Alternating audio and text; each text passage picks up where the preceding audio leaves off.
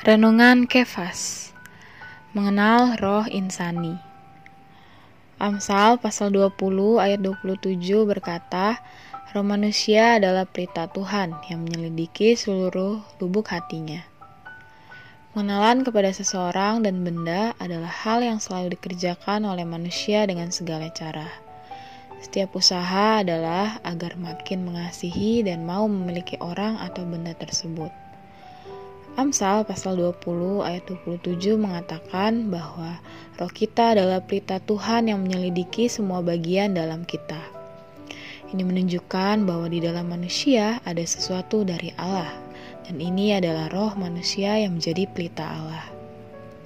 Pelita itu perlu terang untuk bersinar. Ini menunjukkan bahwa Allah sebagai terang benar-benar memiliki sesuatu di dalam manusia sebagai bejananya untuk menampung dia dan menyatakan dia sama seperti pelita menampung terang dan menyatakannya. Sobat Kefas, apakah pengenalanmu terhadap roh manusia sudah tepat?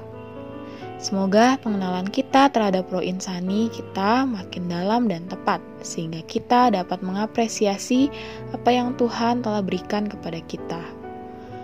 Poin penting yang pertama, Allah menciptakan roh di dalam manusia. Yang kedua, roh manusia adalah pelita Tuhan. Yang ketiga, manusia melalui rohnya dapat menampung Allah.